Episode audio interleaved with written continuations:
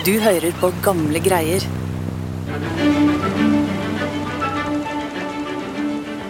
I 1911 sto en kvinne på dekk på en flott, hvit, elegant seilbåt i Kristianiafjorden.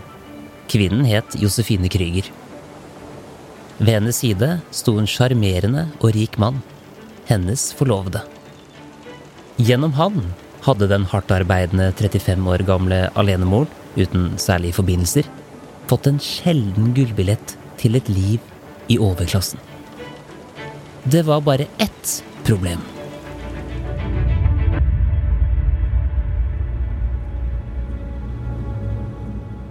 Mannen hun skulle gifte seg med, skjulte en mørk hemmelighet. Og om litt skulle Josefine forstå at hun hadde viklet seg inn i en kjærlighetsfloke som skulle koste henne dyrt.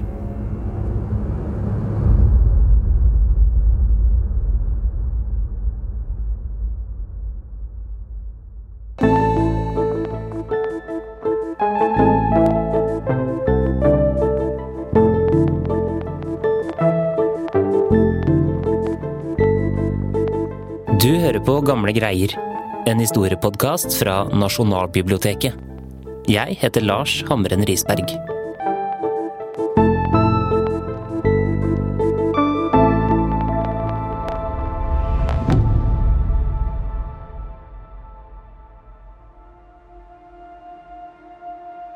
En høstdag i 1910 så sto Josefine Krüger bak disken i den lille frukthandelen som hun drev i Akersgata 37 i Kristiania. Live Fedler Nilsen, historiker på Nasjonalbiblioteket. 35 år gamle Josefine var enke, og hun hadde en 15 år gammel sønn å ta vare på, så hun sto på hele dagen for å kunne betale regningene sine. Mor og sønn de bodde i samme bygård som butikken. Og dette her, det var ikke noe luksusliv, men takket være Josefines nøysomhet så hadde de det ikke så verst. Og de hadde til og med litt sparepenger i banken.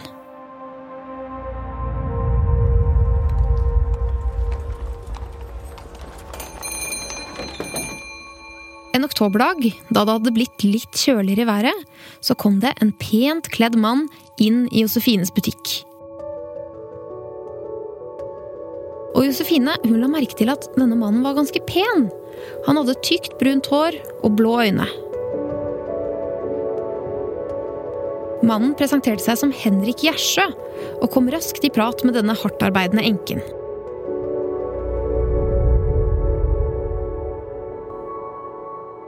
Og noen dager senere så sto Henrik jammen smilende i butikken igjen. De to fikk en ganske god tone, og i tiden som fulgte, så ble Josefine ofte stående og prate med Henrik blant eplene og pærene i fruktkassene. Og da ble de jo selvfølgelig bedre kjent, da. Og Josefine hun fikk vite mer enn denne pene og sjarmerende mannen. Han var tilsynelatende en skikkelig catch for Josefine.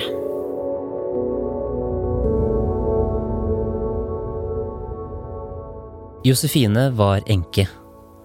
Etter bare seks års ekteskap hadde hun mistet mannen sin. Han hadde skuffet kull på et dampskip og døde i et skipsforlis. Så nå var hun aleneforsørger for den 15 år gamle sønnen Arthur. Josefine hadde aldri hatt noe bedagelig liv. Da hun ble født, var faren snekkersvenn, og hele livet hadde hun bodd i enkle bygårder i arbeiderklassestrøk.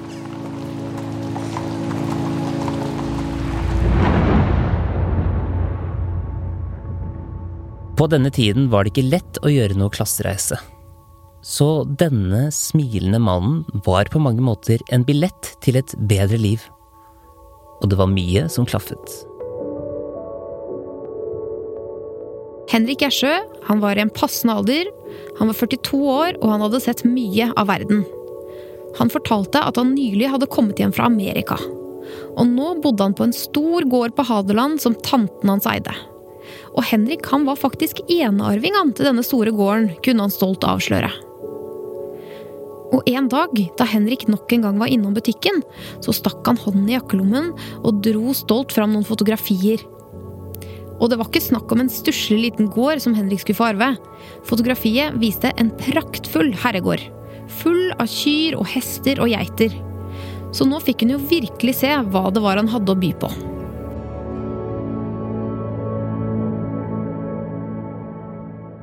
Altså, 35 år gamle Josefine var alenemor og vant til å klare seg selv. Hun var jo selvstendig næringsdrivende. Så hvordan reagerte hun da denne velkledde, pene mannen sjekket henne opp der i fruktbutikken hennes? Ja, hun holdt litt igjen. For som du sier, så klarte hun seg jo egentlig helt fint alene. Men litt etter litt så tinte hun opp. Henrik kunne fortelle Josefine at han aldri tidligere hadde vært i et forhold med en kvinne. Så her sto altså en sjarmerende og rik mann som ikke hadde noen som helst bagasje i form av verken ekteskap eller barn, og viste interesse for henne. Og ikke nok med det. Henrik avslørte at han hadde en stor amerikansk koffert stående på sankthanshaugen.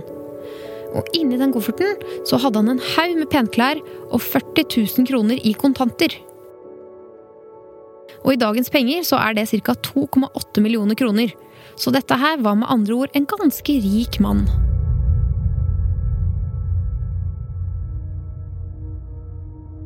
Ikke lenge etter så fridde Henrik. Josefine måtte jo tenke seg om. Hun svarte ikke med en gang. Men etter en stund så kom svaret. Og det var ja.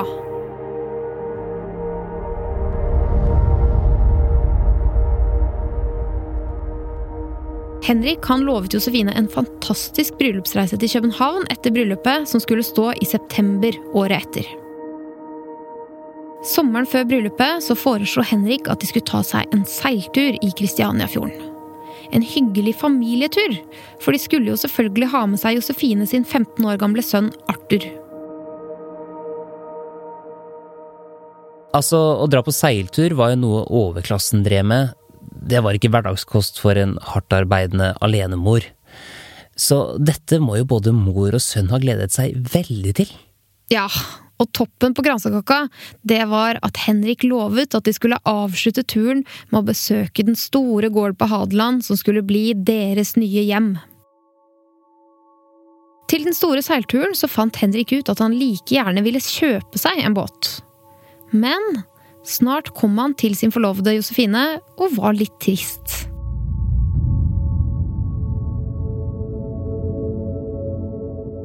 For da han skulle hente ut pengene fra kisten sin, så oppdaget han at nøkkelen var borte. Han hadde lett overalt, men den var sporløst forsvunnet. Og nå trengte han 400 kroner for å kjøpe denne båten her. Og det var jo en veldig stor sum for en alenemor, for det er jo nesten 30 000 i dagens penger. Ja, men Josefine hadde heldigvis sparepenger som hun kunne låne han. Så hun tømte sparekontoen sin på 140 kroner. Og så fikk hun skrapt sammen 60 kroner til. Og så ga hun alt til Henrik. Og rett før de reiste, så overtalte Henrik henne dessuten til å selge frukthandelen. Og for Josefine, som hadde lagt mye tid og krefter inn i denne lille bedriften, så satt nok dette langt inne. Men som Henrik sa, så trengte hun jo ikke denne butikken nå. For etter bryllupet så skulle det jo slå seg ned på herregården på Hadeland. Så hun gjorde som han sa, og solgte unna livsverket sitt. Og like etter kunne altså Josefine teste livet som rikmannsrød på seilbåtferie. Ja,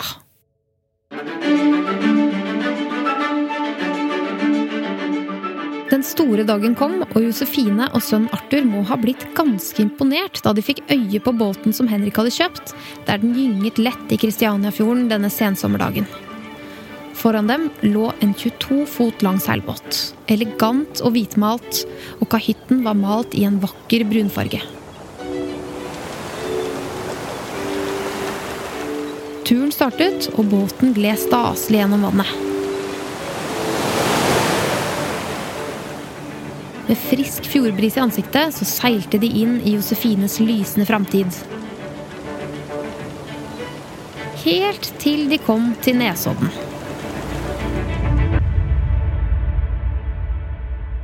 Nå endret plutselig Henrik sin oppførsel seg.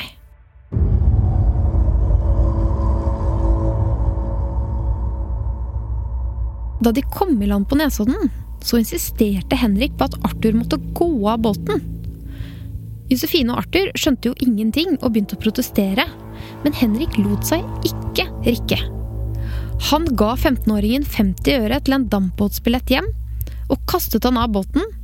Og så seilte den hvitmalte seilbåten av gårde ut i fjorden igjen.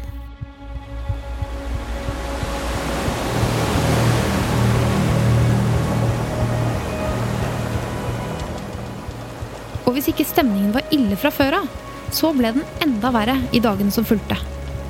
For Henrik viste nå en side som var helt ukjent for Josefine.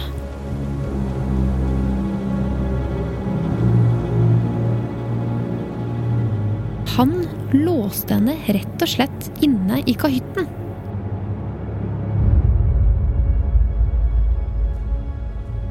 Josefine banket på døren og ba forsiktig om å dra tilbake til Kristiania. Da Henrik ikke svarte, så gjentok Josefine bønnen igjen og igjen. Men Henrik ropte bare tilbake at han ikke orket mer mas. Og så ble det verre. Henrik sa at han hadde en pistol, og at han ville skyte henne hvis hun ikke sluttet å gnåle.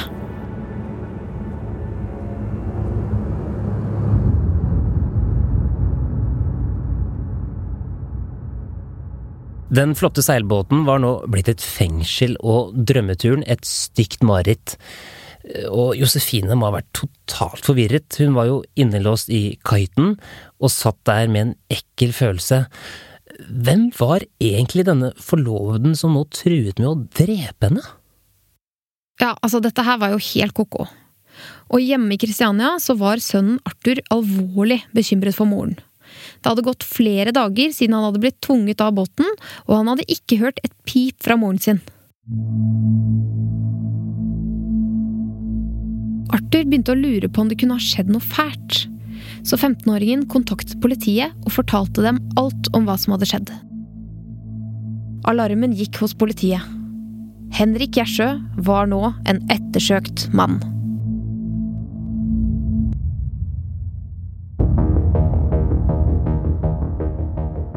Politiet satte i gang jakten. Og det tok ikke lang tid før de klarte å spore opp Henrik og Josefine. Den flotte, hvite seilbåten hadde seilt sørover til Fredrikstad og lagt til kai der. Og det hadde politiet fått nyss om. To konstabler i sivil satte kurs mot båten, hoppet om bord og banket på døra til kahytten. Døra ble åpnet, og der sto en mann som passet perfekt til beskrivelsen som Arthur hadde gitt.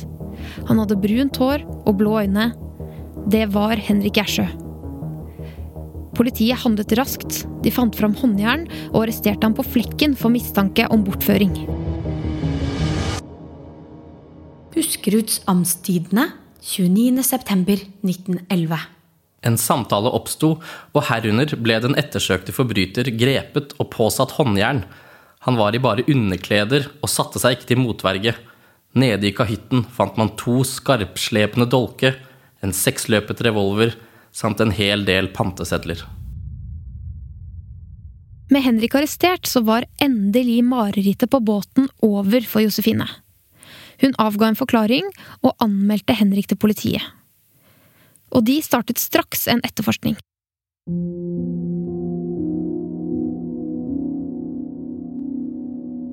Noe av det første de oppdaget, det var at seilbåten var stjålet. Altså, Henrik, forloveden som Josefine hadde blitt så sjarmert av, hadde altså aldri brukt pengene hun hadde gitt han for å kjøpe båten. Nei. Og nå raknet Josefines liv.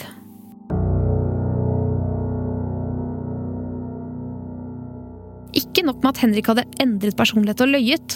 Da hun kom hjem, så fikk hun enda et stikk.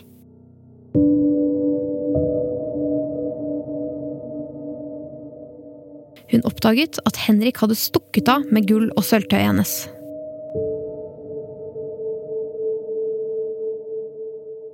Ikke bare var hun blitt robba.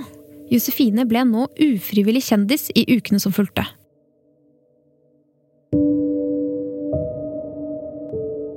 Fra å være en vanlig kvinne i Kristiania, så var hun nå blitt en av hovedpersonene i et vanvittig drama som nå rystet folk over hele landet. Og når hun trodde at ting ikke kunne bli verre, så kom det enda flere sjokk.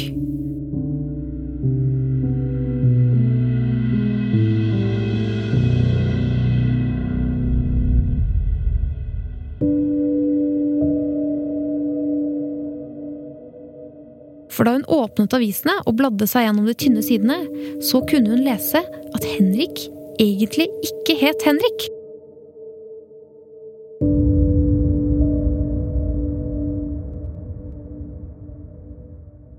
Og det stoppet ikke der, for det viste seg at Josefines forlovede hadde brukt flere navn. Han hadde lurt mange under det elegante navnet Borgenstjerne.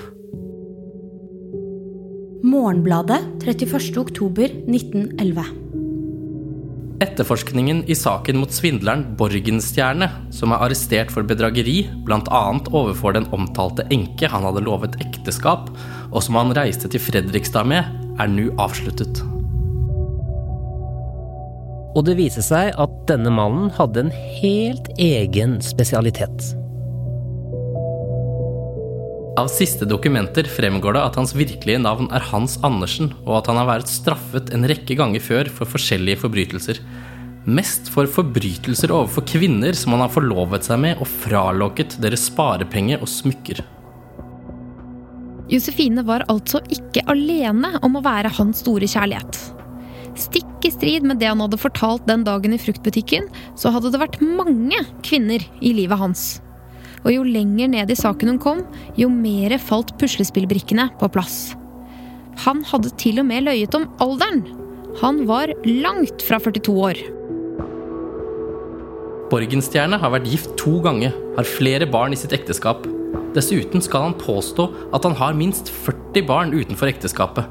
Den store Don Juan og svindler er nå 61 år gammel.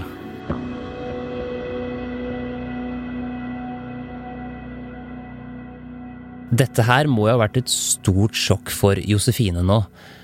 Den omsorgsfulle og sjarmerende Henrik eksisterte ikke, og folk i hele landet kunne lese om hvordan hun hadde blitt lurt på det groveste. Ja. Vinteren kom, og et skinnende hvitt teppe av snø la seg vakkert over Kristiania. Men juletiden ble et skikkelig mareritt for Josefine. Hun sto på bar bakke. Frukthandelen og sparepengene, de var borte. Og drømmen om å bli en respektert herregårdsfrue, den var knust. Josefine hadde mista alt. Hun hadde jo anmeldt han, og en oppvask i retten ventet. Men da Josefine virkelig forsto hva en rettssak ville innebære, så fikk hun kalde føtter. Altså, bare tanken på å stå ansikt til ansikt med denne mannen som hadde ødelagt livet hennes, den var jo grusom. Og hun visste at det kom til å være tilskuere der som ville få med seg alle de private detaljene. Og dette her ble rett og slett for mye for Josefine. Hun følte seg ikke sterk nok. Så hun måtte gå til legen, og så fikk hun rett og slett en sykemelding som bekreftet at et møte i retten ville ta knekken på henne. Men myndighetene de var fast bestemt på at Henrik Ersjø, han måtte stoppes.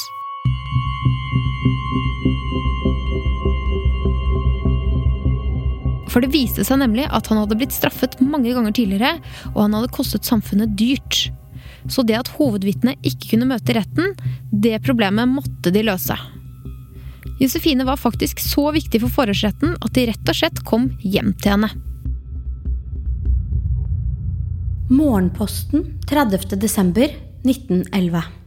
Den forklaring enken avga i sitt hjem, er meget utførlig og omhandler hvorledes Borgenstjerne ble kjent med henne, hans frieri, hvorledes han narret henne til å selge sin forretning og tok både pengene for denne og alt hva hun hadde i banken. Den hele forklaring giver et uhyggelig bilde av den frekkhet og sluhet en fyr av Borgenstjernes kaliber kan utvise, og de mange lumske triks han benytter seg av for å få en kvinne i sitt garn.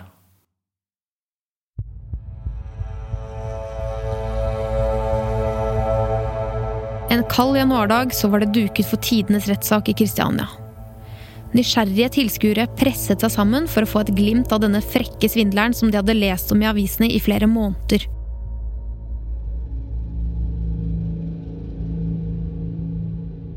Josefine hadde ligget hjemme, nedbrutt og syk, men hun landa på at hun ikke kunne holde seg unna. Hun ville konfrontere mannen som hadde ødelagt livet hennes. Så hun hentet fram det siste hun hadde av mot, og så dro hun til retten for å vitne. Det var stappfullt i rettslokalet, og den spente summingen stilnet da en konstabel førte hovedpersonen inn i rommet.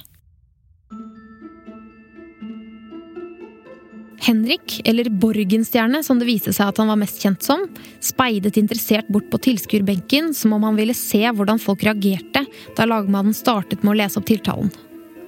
Han virka faktisk nesten stolt der han satt i finstasen sin. Han var tiltalt for seks bedragerier og fire underslag, og han sa seg ikke skyldig på alle tiltaler. Det var nå rundt 20 kvinner som skulle vitne mot Henrik. Men da de i tur og orden presset seg gjennom det fullpakkede rettslokalet for å forklare seg, bredte det seg en lystig stemning i salen. Ja. Altså, Kvinnene som hadde blitt utsatt for tyveri og grov tillitsbrudd, de hadde kanskje forventet sympati. Men det som møtte dem, det var humring. For publikum så var dette her nesten som en ellevill komedie hvor idiotiske og godtroende kvinner hadde latt seg lure av en frekk forbryter. Og da rettssaken startet, så fikk Josefine vite mer om de andre kvinnene som Henrik hadde rundlurt.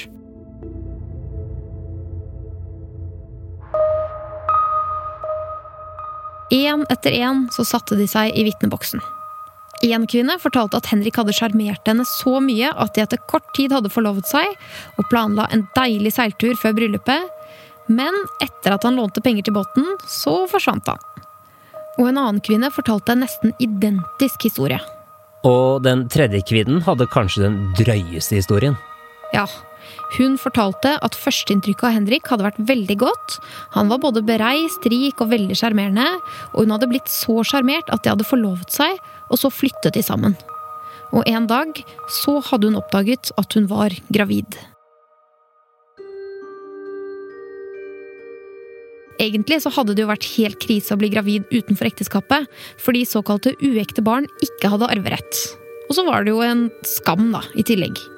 Men siden de to hadde planer om å gifte seg, så kunne hun slappe helt av og glede seg over framtidsplanene. Men en dag forsvant plutselig Henrik. Og han var ikke det eneste som forsvant, for det gjorde nemlig også sparepengene hennes. Og for Josefine, som satt og hørte på, så var nok denne historien ekstra sjokkerende da hun fikk vite når dette her hadde skjedd. For i tidsperioden som denne kvinnen fortalte om, så hadde Henrik vært forlovet med henne. Tilskuerne i retten både måpte, humret og rista på hodene sine. Og publikum roet seg heller ikke da det kom fram at Henrik, som hadde vært veldig opptatt med å lure flere kvinner samtidig, faktisk hele tiden hadde vært gift med en annen kvinne.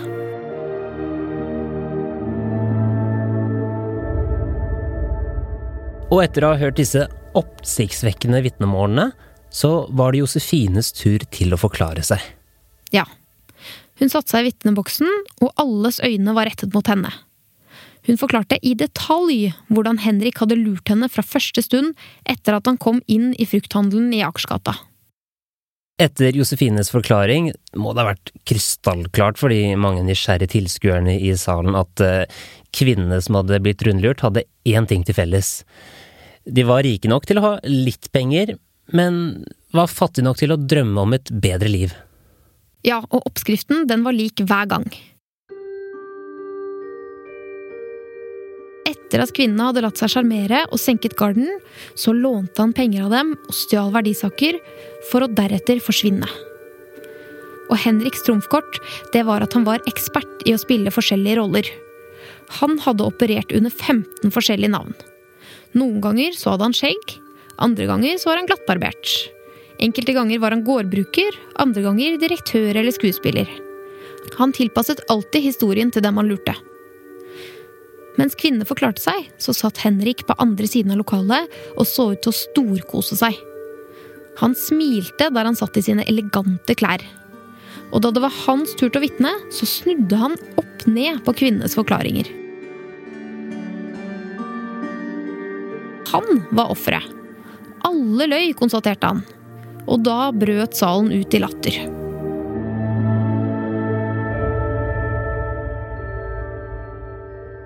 Dette her med pengekofferten, eksempel, det var bare noe Josefine hadde funnet på. Og bildet som han hadde vist av gården på Hadeland, det var jo bare en spøk, forklarte Henrik. Og da han ble konfrontert om båtturen og at han skulle ha truet Josefine med en pistol, så avfeide han det hele som et humoristisk innfall. Jeg ville ha orden og disiplin om bord, utbrøt Henrik til vill jubel i rettssalen.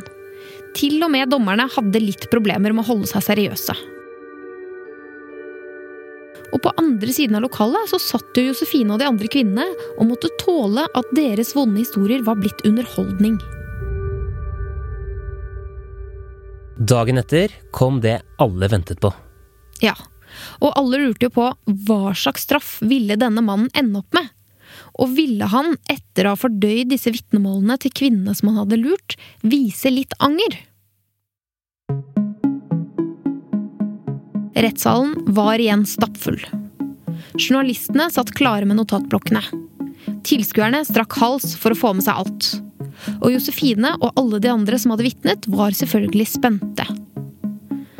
Etter å ha snakket sammen en halvtime, så kom lagretten tilbake med dommen.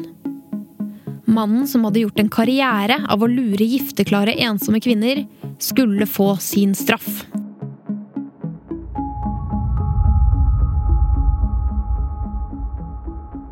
Henrik Gjersjø, eller Borgenstjerne, eller Hans Andersen som han egentlig het, ble dømt til fire år i fengsel.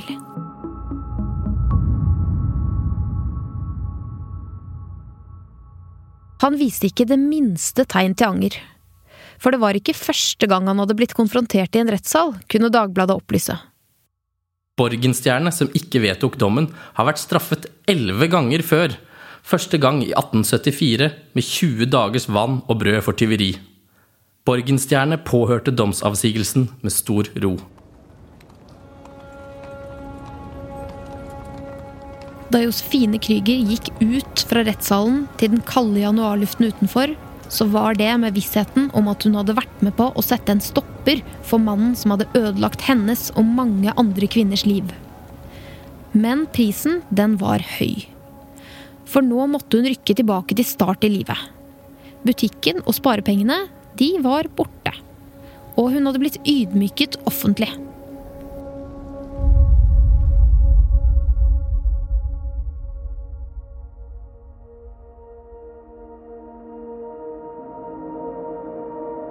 Men det skulle mer til for å knekke Josefine. Ja, for kort tid etter rettssaken så sto Josefine i en ny butikk og stablet varer og tok imot kunder. Josefine hadde nemlig åpnet en kjøttforretning i Bogstadveien, vest i byen. Ja, det var nettopp det hun hadde gjort. Og tre år etter den opprivende rettssaken så ser vi faktisk navnet hennes i Emigrantarkivet. Hun hadde pakket sammen det hun eide i store reisekister, og kjøpt en billett, og så hadde hun gått om bord på et skip som skulle til Amerika. Etter den lange båtturen over Atlanterhavet så slo Josefine seg ned i Philadelphia. I papirene i emigrantarkivet, under feltet 'Årsak til utvandringen', så står det skrevet 'Bedre fortjeneste'. Så Josefine hun hadde altså ikke gitt opp drømmene sine.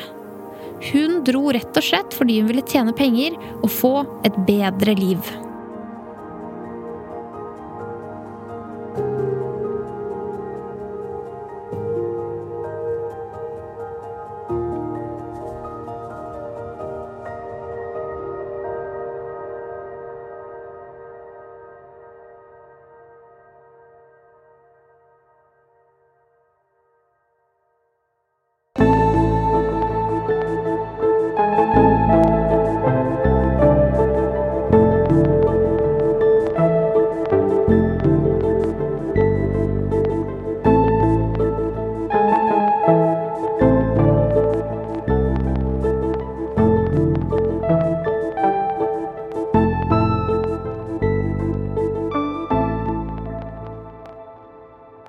Mannen som lurte Josefine, Henrik Gjersø, Borgenstjerne, eller Hans Andersen, som han egentlig het, ble til sammen dømt elleve ganger i løpet av sitt liv.